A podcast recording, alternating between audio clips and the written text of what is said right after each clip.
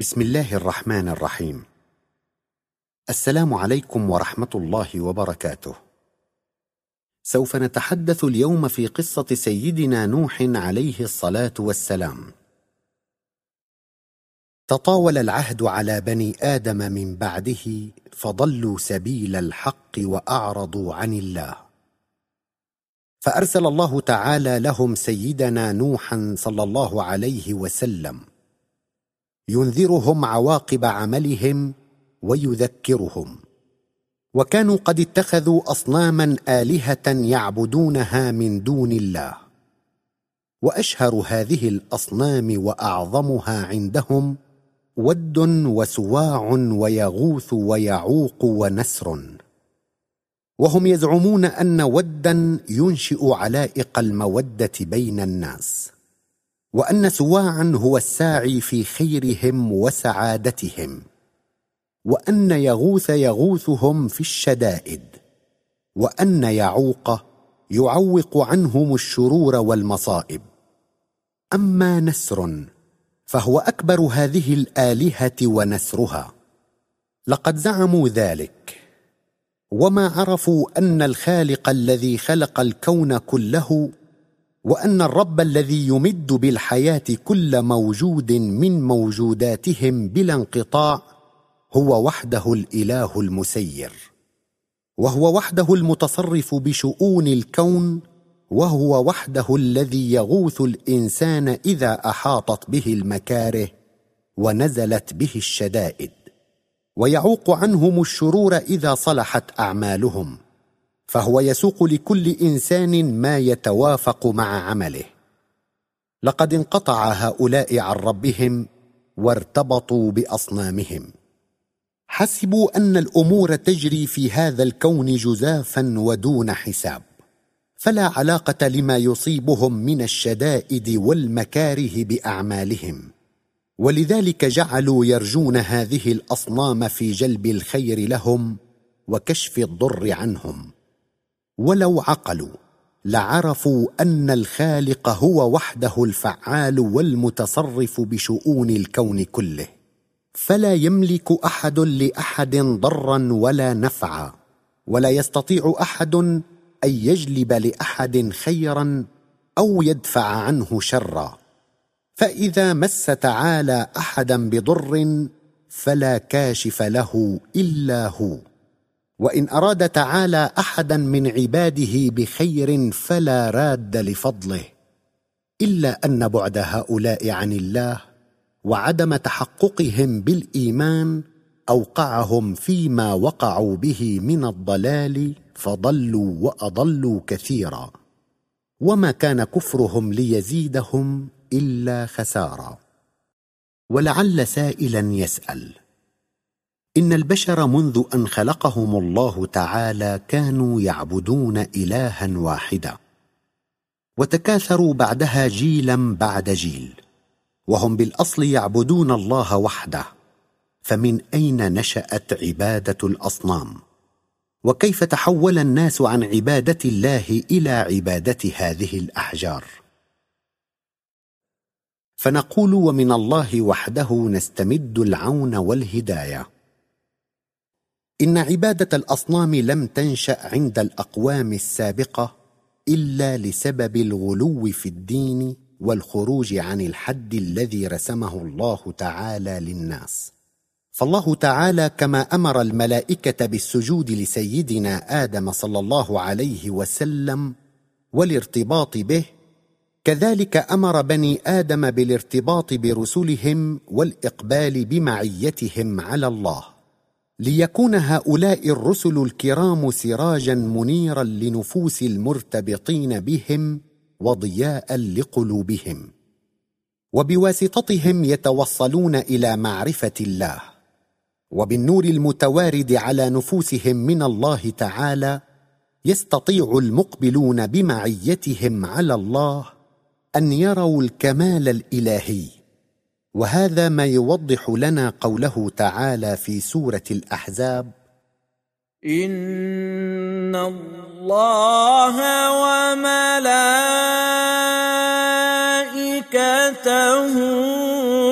يصلون على النبي.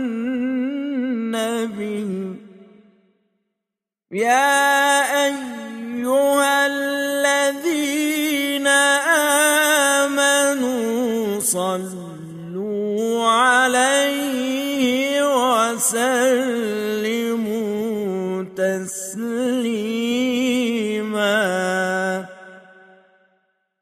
فما الصلاة على النبي في حقيقتها إلا الصلة والارتباط بتلك النفس الكريمة الطاهرة والإقبال بمعيتها على الله لتكون سراجا منيرا للنفس المرتبطة بها وضياء لقلب المصلي بمعيتها.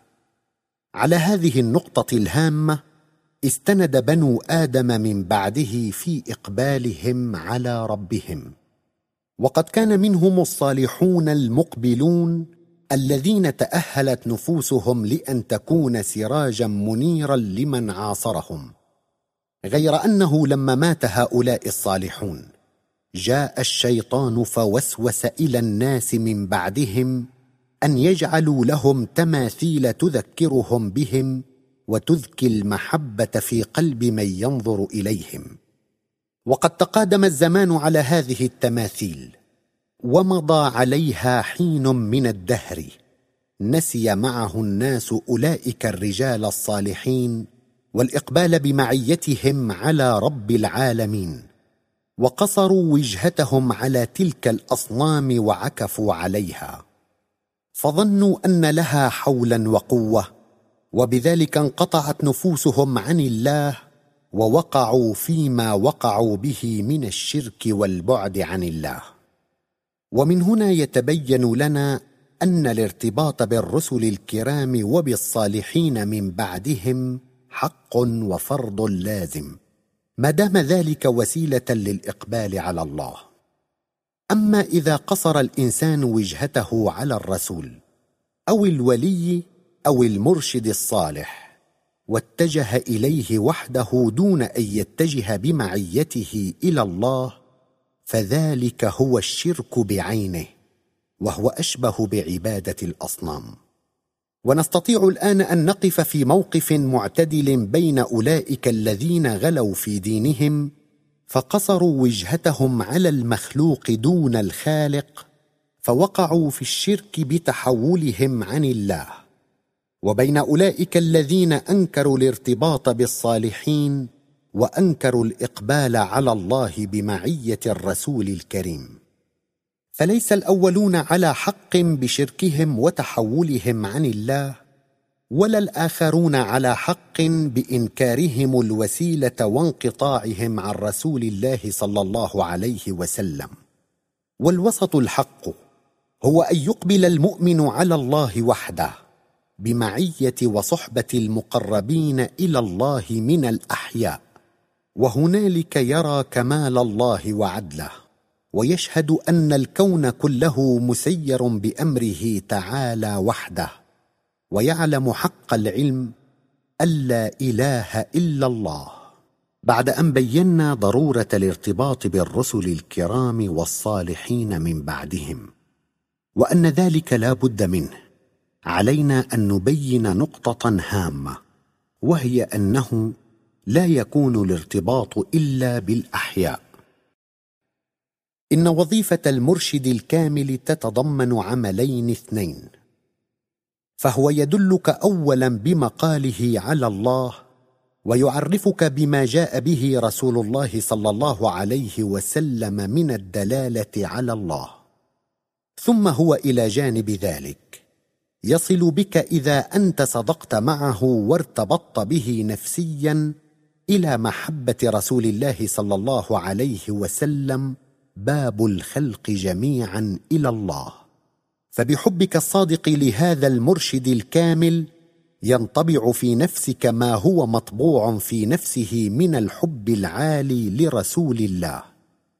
فلا تلبث أن ترى نفسك مرتبطة بهذا الرسول الكريم ملازمة له لا تنفك عنه أبدا. فإذا وجدك قد وصلت إلى رسول الله قال لك إلزم هذا الباب فقد انتهت مهمتي معك. إذ بلغتك من جعله الله تعالى بابا للعالمين وأمر بالارتباط به أي الصلاة عليه كافة المؤمنين. وما مثل المرشد في هذا إلا كمثل القارب. يحمل الذين يريدون السفر فينقلهم من الشاطئ إلى السفينة العظيمة. فمهمة القارب تنحصر في النقل من الشاطئ إلى السفينة لا تعدو ذلك. أما السفينة فتنتقل إلى لجج البحار بحار المعرفة والمشاهدة للكمال الإلهي. فالسفينة واحدة والقوارب التي تنقل إليها عديدة. فإذا مات هذا المرشد فقد انتهت وظيفته وانتقلت إلى مرشد آخر حيا من بعده. وإلى ذلك الارتباط برسول الله صلى الله عليه وسلم تشير الآية الكريمة في قوله تعالى من سورة الأحزاب. ان الله وملائكته يصلون على النبي. يا ايها الذين امنوا صلوا عليه وسلموا تسليما. فقد أمر تعالى المؤمنين جميعا بالاعتصام والارتباط بهذا الرسول الكريم. وعدم التفرق عنه وثبت لك هذا المعنى في قوله تعالى من سوره ال عمران.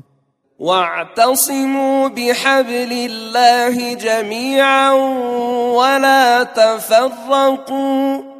فما الحبل إلا رسول الله صلى الله عليه وسلم.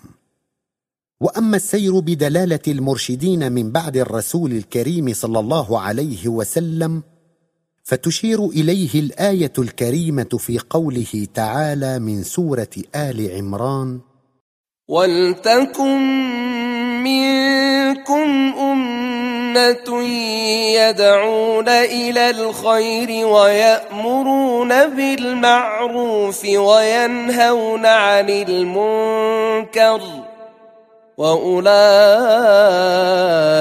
هم المفلحون.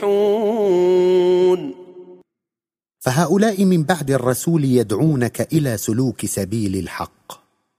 فإذا أنت سرت بدلالتهم المأخوذة عن رسول الله صلى الله عليه وسلم انبعثت في نفسك الثقة برضاء الله عنك وعندها تقبل على الله تعالى وبإقبالك عليه تعالى ينطبع الكمال في نفسك فتحب أهل الكمال تحب دليلك ومرشدك ومنه تنتقل إلى حب رسول الله صلى الله عليه وسلم كما ذكرنا من قبل. نعود الآن إلى الحديث في قصة سيدنا نوح عليه الصلاة والسلام. فإلى أي شيء دعا سيدنا نوح عليه الصلاة والسلام قومه؟ إن أول ما بدأ به سيدنا نوح صلى الله عليه وسلم قومه أن دعاهم إلى عبادة الله وحده. والدعوة إلى عبادة الله وحده هي روح الأديان السماوية كافة. وجوهر دعوة الرسل عامة وإلى ذلك تشير الآيات الكريمة في قوله تعالى من سورة الأعراف لقد أرسلنا نوحا إلى قومه فقال يا قوم اعبدوا الله. فقال يا قوم اعبدوا الله ما لكم من إله غيره اني أخاف عليكم عذاب يوم عظيم. وقال أيضا سبحانه وتعالى وإلى عاد أخاهم هودا. قال يا قوم اعبدوا الله ما لكم من إله غيره. وفي آية أخرى وإلى ثمود أخاهم صالحا قال يا قوم اعبدوا الله ما لكم من إله غيره.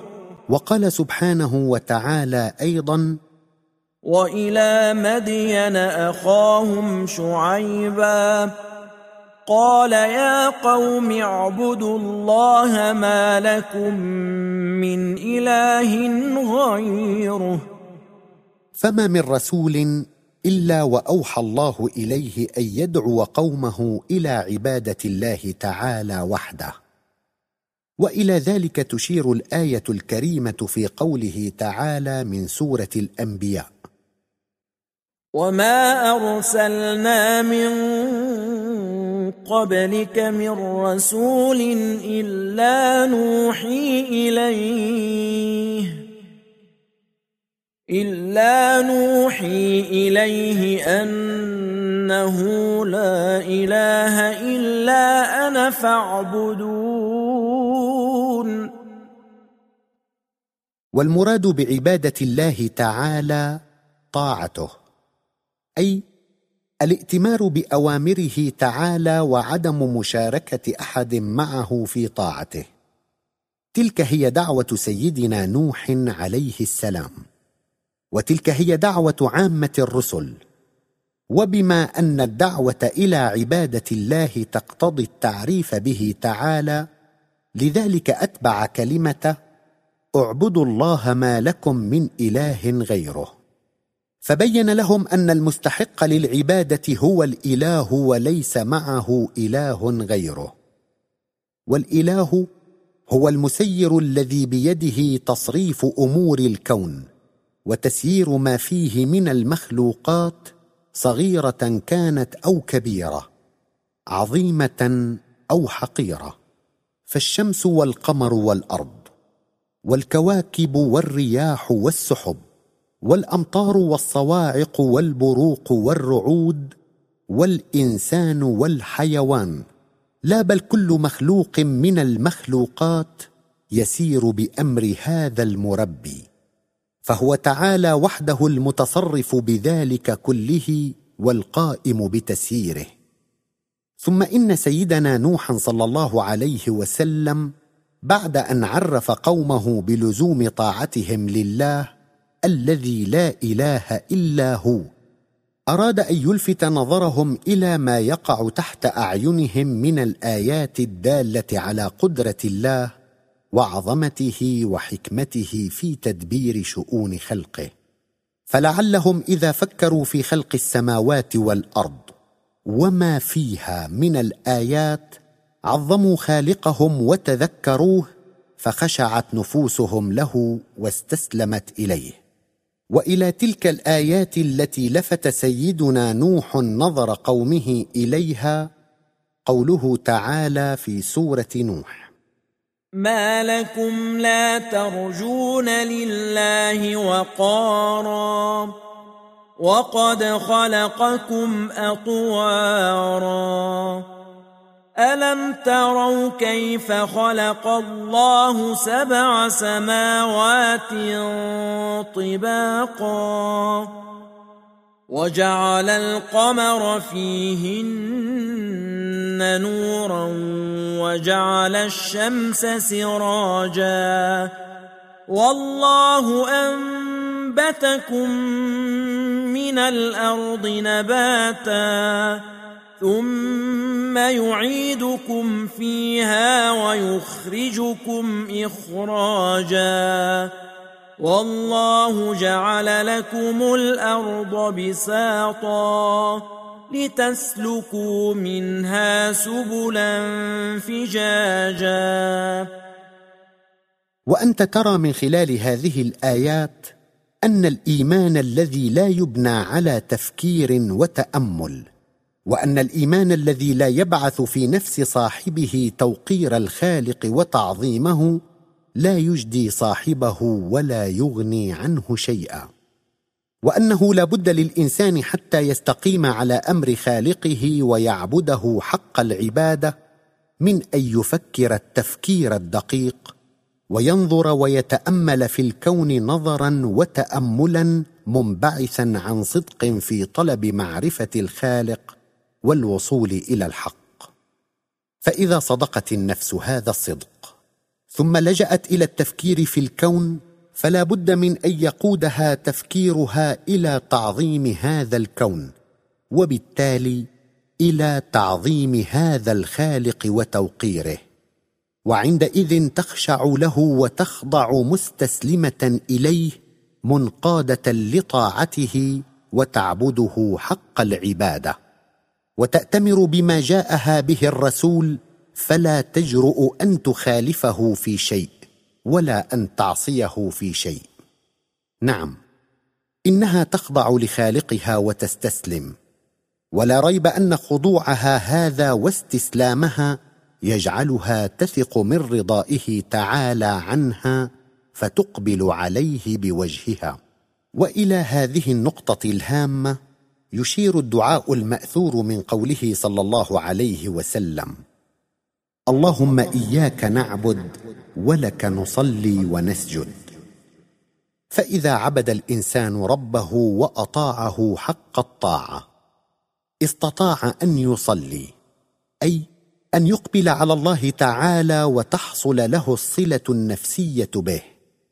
ولا ريب أن هذه الصلة والوجهة الصادقة تطهر النفس من أدران الشهوات الخبيثة فيمسح النور الإلهي هذه النفس مما علق بها فإذا بها طاهرة نقية متحلية بحلية الكمال والفضيلة. ولعمري تلك هي الطريقة الوحيدة لتهذيب النفوس البشرية والسمو بها إلى أسمى منازل الكمال والإنسانية. فمن الله تعالى تستقى الأخلاق الكريمة وإلى الله تعالى وحده يرجع الطالبون الوصول إلى الفضيلة. فهو سبحانه صاحب الأسماء الحسنى ومورد الكمال الذي لا يتناهى. لقد طلب سيدنا نوح صلى الله عليه وسلم من قومه أن يعبدوا الله وحده وفق أمر الله تعالى فقال يا قوم اعبدوا الله ما لكم من إله غيره. وتعريفا لهم بربهم لفت نظرهم إلى مخلوقاته تعالى كما رأينا غير أن النفس البشرية إذا هي لم تصدق في طلب الحقيقة ولم تشأ هي بذاتها الوصول إليها ولم ترد أن تكون من أهلها فلا تنفع فيها تذكرة.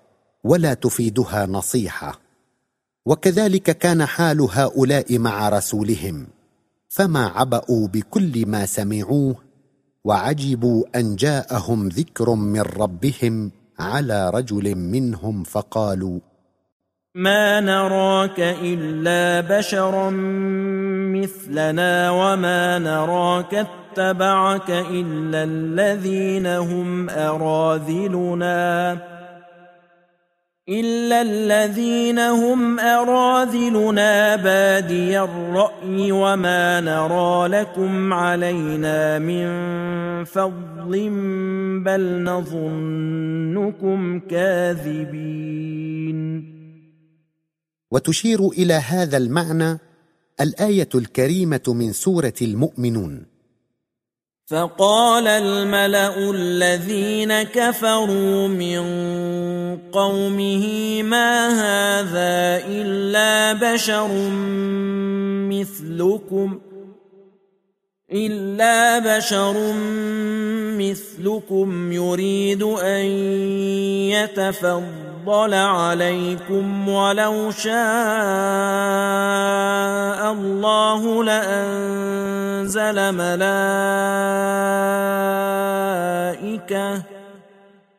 لانزل ملائكه ما سمعنا بهذا في آبائنا الأولين. وقد طال الجدل بين سيدنا نوح عليه السلام وقومه وما كان منهم إلا أن عاندوه وعارضوه.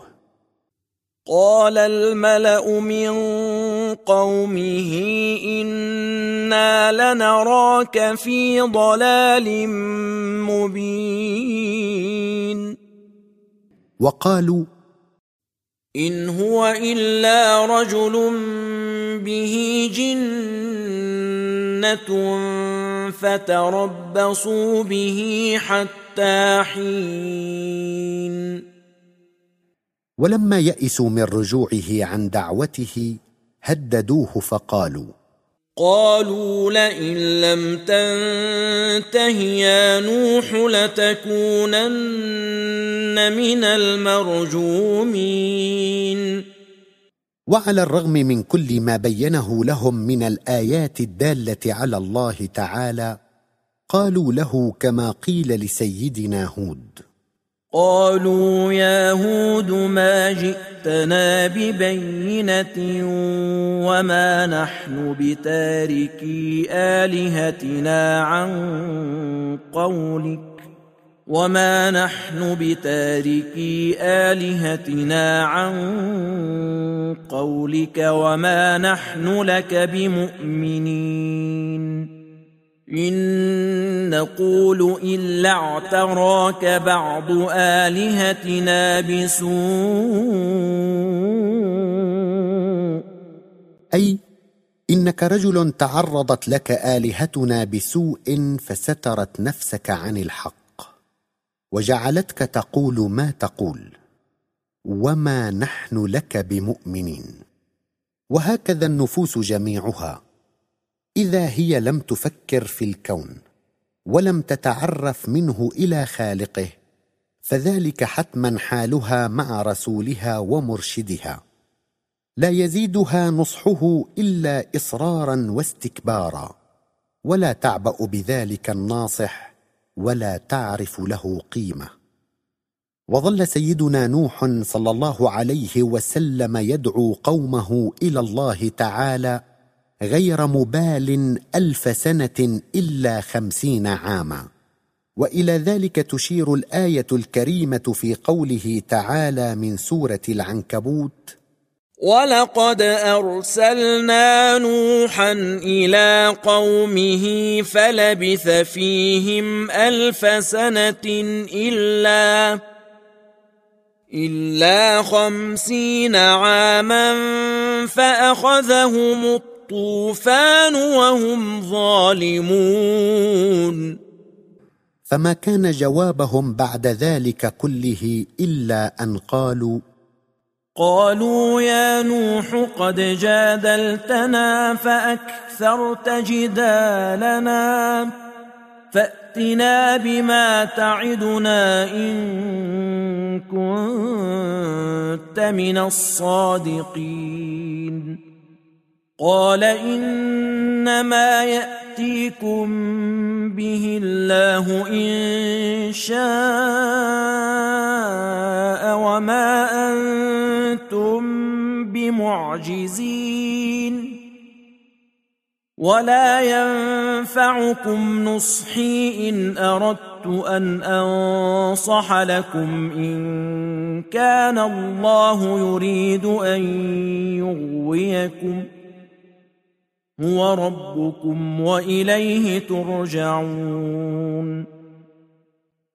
ولعلك تقول ما المراد بكلمة إن كان الله يريد أن يغويكم؟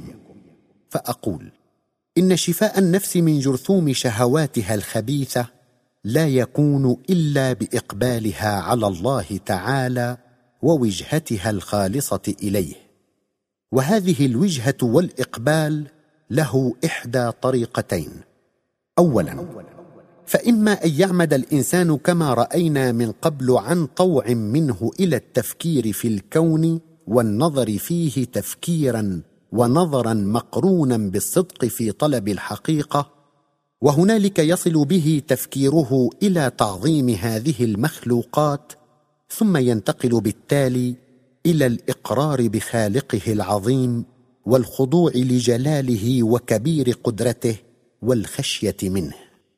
وهذه الخشية تحمله على الاستقامة على أمره وطاعته.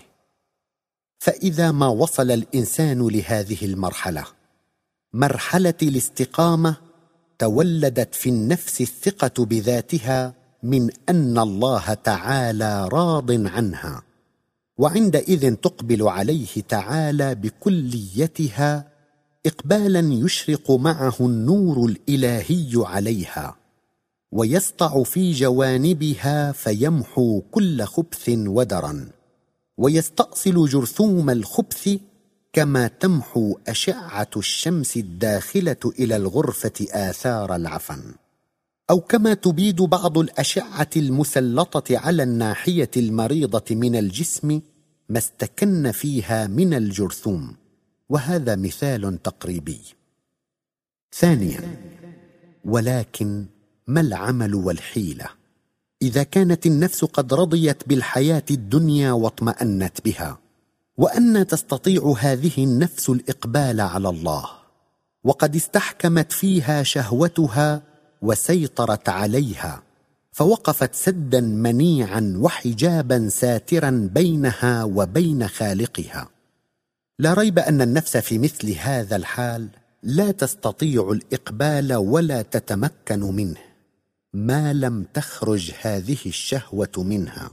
فإذا ما خرجت هذه الشهوة وخلت ساحة النفس بدأ دور المعالجة والمداواة وسلط الله تعالى على هذا الإنسان أنواع البلاء والمصائب وأنزل به من الهموم والكروب ما يجعله يتضرع إلى خالقه ويلتجئ إليه. ثم إن الله تعالى يكشف عن هذا الإنسان البائس الشدة ويعيد إليه الطمأنينة. فلعله يذكر من بعد كشف الضر عنه فضل خالقه ويقدر إحسانه إليه. فيفكر التفكير الصحيح ويعرف ربه المعرفة اللائقة التي تقوده إلى الإقبال عليه. وهذه هي الطريق الثانية الموصلة للإقبال. وهنا يتبين لك فضل الله تعالى على الإنسان كما يتبين معنى كلمة إن كان الله يريد أن يغويكم.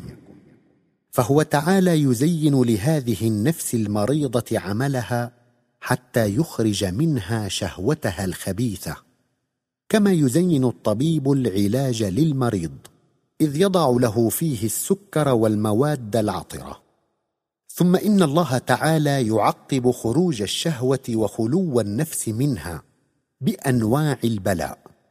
وإن شئت فقل بالمداواة التي تقود إلى الإقبال على الله والوجهة الصادقة استئصالا لجرثوم الخبث من النفس وتطهيرا لها من تلك النواة. التي تسبب تولد الشهوات. قال تعالى في سورة السجدة. ولنذيقنهم من العذاب الأدنى دون العذاب الأكبر لعلهم يرجعون.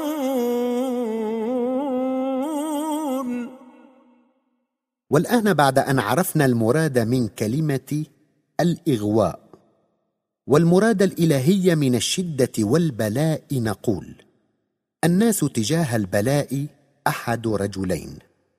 رجل يتضرع إلى الله ساعة المصيبة وهذا ممكن شفاء نفسه.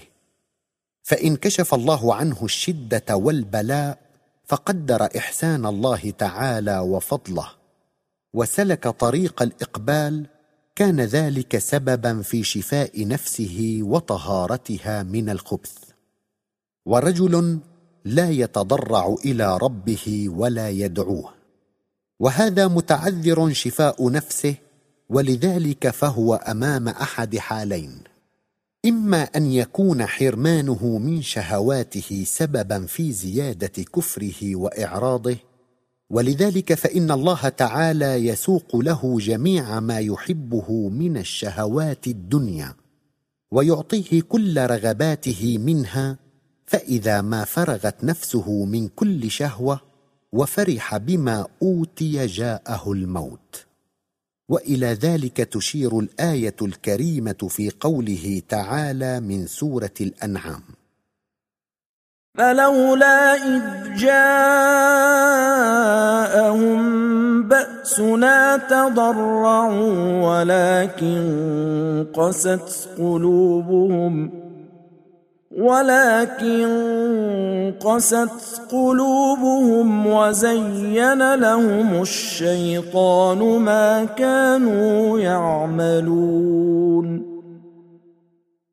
فلما نسوا ما ذكروا به فتحنا عليهم أبواب كل شيء حتى إذا فرحوا بما أوتوا أخذناهم بغتة أخذناهم بغتة فإذا هم مبلسون وإما أن يكون إعطاؤه رغائبه سببا في زيادة طغيانه وأذاه. ولذلك حسما لأذاه وحدا من طغيانه يجعل الله تعالى نصيبه الحرمان من شهواته وتخليصا لنفسه مما هي متعلقة به من الشهوات تستمر المصائب عليه. وما تزال تتزايد في الشدة حتى تزهد نفسه من شهواتها وتعافها. وإلى حال هذا الرجل تشير الآية الكريمة في قوله تعالى من سورة المؤمنون. ولو رحمناهم وكشفنا ما بهم من ضر للجوا في طغيانهم يعمهون. وأنت ترى من خلال هذا الشرح الذي بيناه أن الحكمة الإلهية تعامل كلا بحسب حاله فلا يحين أجل الإنسان إلا وقد فرغ الله له نفسه من جميع شهواتها. أما أولئك الذين لم يؤمنوا فمع أن نفوسهم فرغت من شهواتها لكن الجرثوم لا يزال كمينا فيها. فلو أن الله تعالى مد لهم في عمرهم زيادة عن أجلهم المحتوم لما أفادهم ذلك شيئا. بل لتوالد ذلك الجرثوم وبعث فيهم الشهوة من جديد. لذلك من رحمة الله تعالى بهم أن يتوفاهم عند حلول أجلهم. لا يستأخرون ساعة ولا يستقدمون. وإلى هذا المعنى. تشير الآية الكريمة في قوله تعالى من سورة الأنعام. ولو ردوا لعادوا لما نهوا عنه وانهم لكاذبون. ولهذا السبب لما أخبر الله تعالى سيدنا نوحا عليه السلام أنه لن يؤمن من قومك إلا من قد آمن. وذلك ما أشارت إليه الآية الكريمة في قوله تعالى من سورة هود. وأوحي إلى نوح أنه لن يؤمن من قومك إلا إلا من قد آمن فلا تبتئس بما كانوا يفعلون. طلب من الله تعالى أن يرحم قومه بالموت حدا من أذاهم وتخفيفا عنهم. وإلى ذلك تشير الآية الكريمة في قوله تعالى من سورة نوح. وقال نوح رب لا تذر على الأرض من الكافرين ديارا. إنك إن تذرهم يضلوا عبادك ولا يلدوا إلا فاجرا كفارا. اذا فما دعاء سيدنا نوح صلى الله عليه وسلم على قومه قسوة منه؟ وليس دعاؤه عليهم خطيئة إنما هو رحمة ورأفة بهم. وقد استجاب الله تعالى لسيدنا نوح صلى الله عليه وسلم دعوته. وإلى ذلك تشير الآية الكريمة في قوله تعالى من سورة الصافات. ولقد نادانا نوح فنعم المجيبون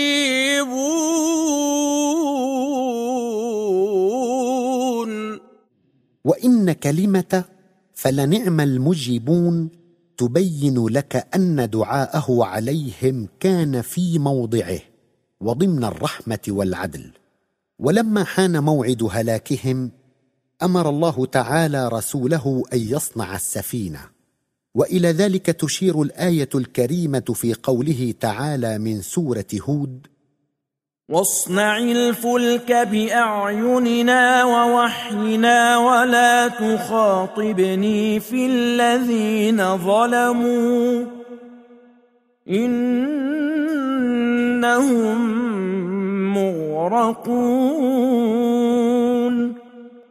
وإن كلمة ولا تخاطبني في الذين ظلموا. تبين لك زيادة عطف هذا الرسول الكريم على قومه ورحمته بهم. وقد أمر الله تعالى رسوله أن يحمل في السفينة من كل زوجين اثنين وإلى ذلك تشير الآية الكريمة في قوله تعالى من سورة هود أيضا. حتى إذا جاء أمرنا وفارت النور قل نحمل فيها من كل زوجين اثنين وأهلك إلا إلا من سبق عليه القول ومن آمن وما آمن معه إلا قليل. والتنور هو منبع الماء والمراد بكلمة وفار التنور أي تفجرت ينابيع الماء بشدة وفارت فورانا قويا. ولو أن كلمة من كل الواردة في هذه الآية جاءت خالية من التنوين أي بصيغة احمل فيها من كل زوجين اثنين لكانت كلمة كل مضافة إلى زوجين وللزم بسبب هذه الإضافة أن يحمل معه زوجين من كل ما خلق الله تعالى على وجه الأرض. وهذا مما لا فائدة منه. ولذلك جاءت كلمة من كل منونة بالكسر ويكون المراد بالآية بحسب ما هي واردة عليه بمعنى احمل فيها من كل. أي مما تحتاجه لا من كل شيء كما يتبادر للأذهان. ومما تقتضيه العدالة الإلهية أن سائر الحيوانات الأخرى التي كانت في تلك المنطقة التي أصابها الطوفان أوحى إليها الله في نفسها فشردت نافرة في الآفاق مبتعدة عن تلك المنطقة. لأن الطوفان لم يشمل عامة الأرض وإنما أصاب تلك البقعة المحدودة التي عمرها الإنسان لأن الناس كانوا يومئذ أمة واحدة يسكنون في بقعة واحدة من الأرض. أما المناطق الأخرى فكانت خالية من الإنسان. وما أن ركب سيدنا نوح صلى الله عليه وسلم السفينة وركب معه من آمن. حتى انفتحت أبواب السماء بماء منهمر وتفجرت الأرض عيونا. وإلى ذلك تشير الآيات الكريمة في قوله تعالى من سورة القمر. ففتحنا أبواب السماء بماء